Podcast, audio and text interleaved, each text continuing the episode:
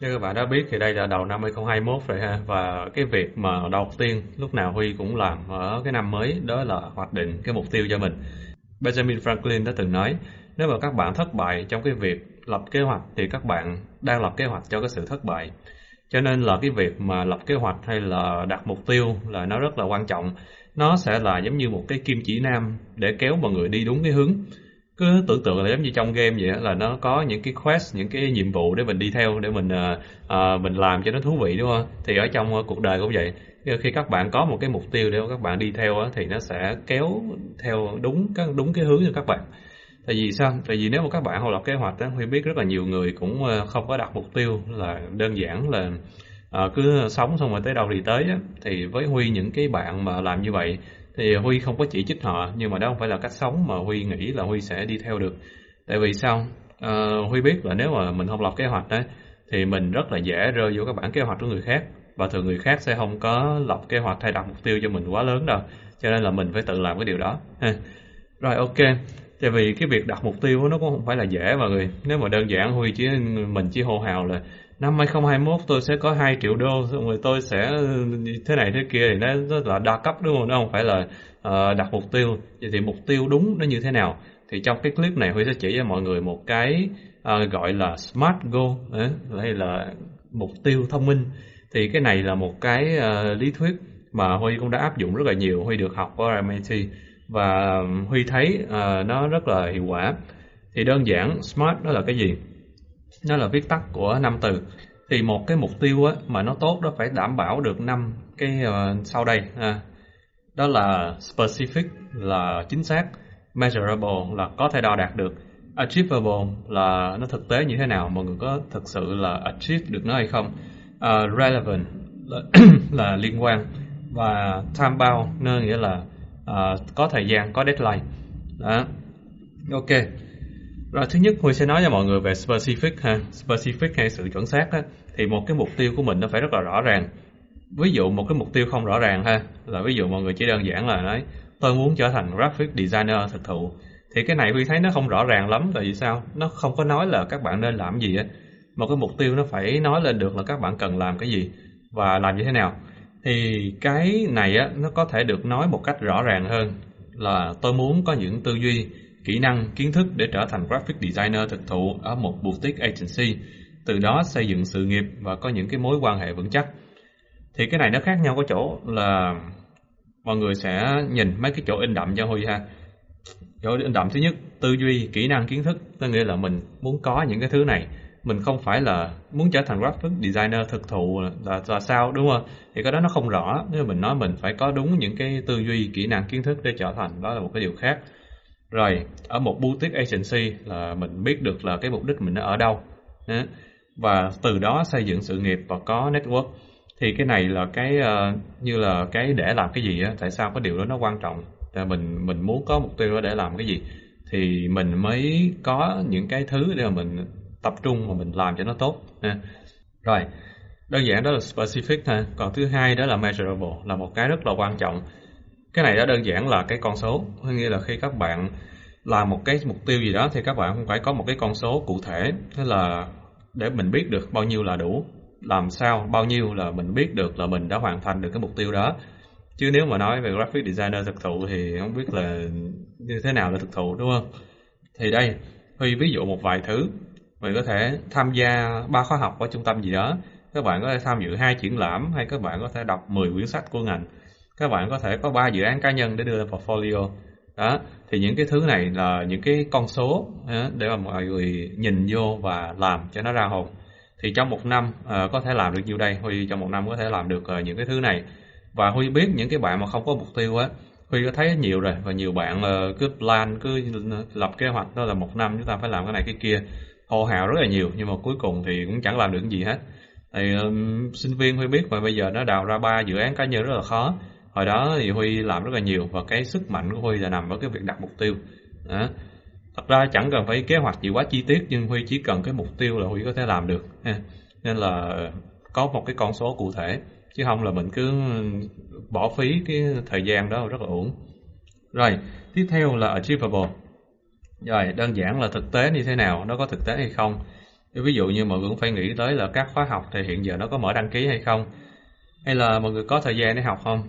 Hay là mình có đủ tiền để học chưa? Nếu mình chưa đủ tiền thì cái mục tiêu có thể là kiếm đủ tiền. À. thì cái này nó là một cái để mọi người phải nghĩ tới. Phải đảm bảo được là nó achievable ha. Tại vì nếu mà một cái ờ, mục tiêu nó quá viễn vông, ví dụ năm 2021 một người kiếm 2 triệu đô từ việc freelance ở boutique agency hay gì đó thì cái đó nó quá sức ờ, và nó không nó không achievable, nó không có thực tế. Cho nên mình phải nghĩ về những cái thứ này nữa. Ok ha. Rồi ví dụ như và mọi người cẩn thận cho huy một cái là cái đôi khi á những cái mục tiêu của mọi người mà hoàn thành hay không á thì nó lại không có dựa vào uh, người ờ, vào vào mình. Đôi khi các bạn thực tế uh, các bạn uh, đặt ra một cái mục tiêu là tôi muốn được tuyển vào làm ở công ty DS chẳng hạn thì cái mục tiêu này á mọi người đạt được hay không là do huy là do uh, CEO của DS chứ nó không phải là thực sự là là đúng cái bản thân của các bạn tự lực mà có thể đạt được cái mục tiêu này. Cho nên là mình không nên đặt mục tiêu như thế.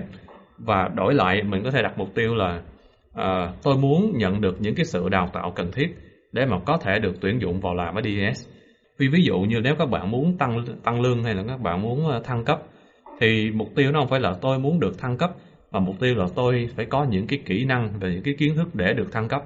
À, thì cái đó nó sẽ là cái tự thân của mọi người còn cái ở, ở trên nó sẽ phụ thuộc vào CEO hay là cái giám đốc của người công ty đó.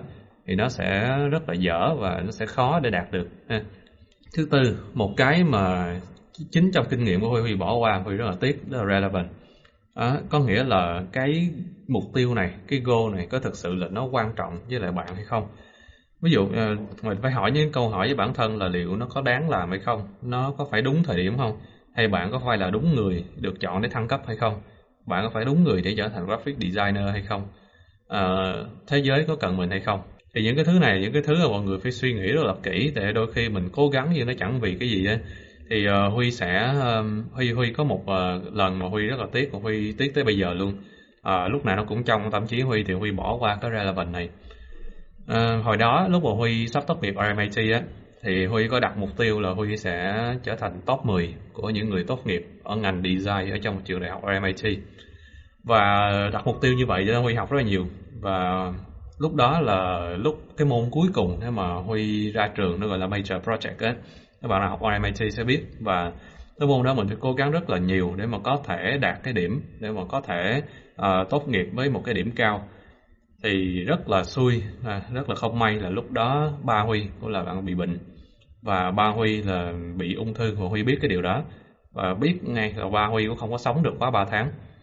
Nhưng mà tại vì cái mục tiêu huy đặt ra là huy phải đạt được cái top 10 đó tại vì trường đại học RMIT là cái trường mà huy rất là muốn đi vô học và ba mẹ huy cũng đổ rất là nhiều tiền để mà huy có thể vô đó học. Và huy có một cái mục tiêu như vậy đó, nhưng mà huy quên mất là cái đó nó cũng nhiều khi nó không đáng bằng cái việc là huy uh, dành thời gian với ba huy vào những cái giờ phút mà cuối cùng của ba huy như vậy. Đó thì uh, rất không may là ba huy mất trước cái ngày huy tốt nghiệp là chỉ có 3 ngày thôi. Nếu ai biết huy là sẽ biết cái cái sự kiện đó.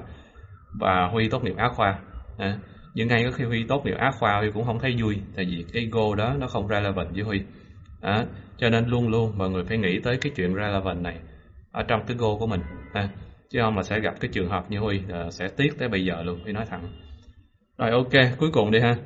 Đó là tham bao. Tham bao có nghĩa là bất cứ một cái goal gì, một cái mục tiêu gì mọi người đặt ra nó cũng phải có thời gian. Có nghĩa là nó phải ờ, có một cái deadline nào đó.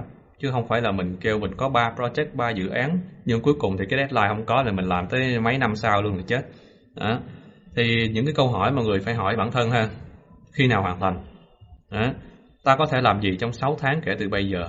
Ta có thể làm gì 6 tuần kể từ bây giờ? Ta có thể làm gì hôm nay? Ví dụ như là huy sẽ đặt mục tiêu ví dụ uh, bạn các bạn đi huy ví dụ các bạn muốn trở thành graphic designer thực thụ thì đặt một deadline là 6 tháng 1 năm 2022 chẳng hạn là một năm sau đây. Hay là ta có thể làm gì 6 tháng từ bây giờ? Mình có thể học một khóa ngắn hạn mình có thể uh, học hai ba khóa về tài chính gì đó không biết đó, tùy các bạn. Rồi Ờ, à, 6 tháng à, trong 6 tuần thì mình có thể đọc ờ, hai cuốn sách nè mình phải bắt đầu ha. Và mình có thể làm gì hôm nay? Có thể là mọi người đang xem youtube của huy. Đó cũng là một cái sự bắt đầu đúng không? À, các bạn sẽ bị hands đó là những cái sự bắt đầu của các bạn. Thì à, với mục tiêu á, thì cái điều quan trọng nhất Huy nghĩ và cái điều khó nhất của mục tiêu á, là không phải hoàn thành mục tiêu đâu mà là cái điều khó nhất là bắt đầu làm cái kế hoạch đó bắt đầu làm theo đúng những cái dự định những cái mục tiêu ban đầu của mình thì cái việc mà các bạn à, bắt đầu từ hôm nay ngay từ bây giờ là Huy muốn các bạn lấy viết giấy giấy bút ra để viết xuống cái mục tiêu của mình. Đó, tất cả những thứ Huy vừa nói các bạn hãy suy nghĩ kỹ trên một cái tờ giấy A4 một mặt A4 và viết ra. Tại sao phải viết ra? Đơn giản nếu mà các bạn chỉ nói hay các bạn chỉ nghĩ thì cái đó là lời nói gió bay ha. và nếu mà viết ra là giấy trắng mực đen thì lúc đó các bạn mới có thể nhớ và mình có thể treo cái tờ giấy đó lên tường hay là cái chỗ nào đó rất là sang trọng rất là sáng uh, tiêu điểm ở trong cái phòng của mình để mình có thể nhìn vô và mình nhớ cái mục tiêu của mình trong cái năm 2021 này. Đó. Rồi ok chớ năm cái cho Huy ha. Specific measurable achievable relevant và time bound. Và năm cái này là năm cái mà làm cho cái mục tiêu của mọi người nó rõ ràng và nó thực tế rồi, ok, Huy nghĩ trong clip này Huy cũng đã nói hết rồi. Và Huy rất là mong các bạn có thể có cho mình được một cái mục tiêu tốt và hoàn thành nó trong cái năm nay. Rồi, bye mọi người và chúc mọi người buổi tối vui vẻ.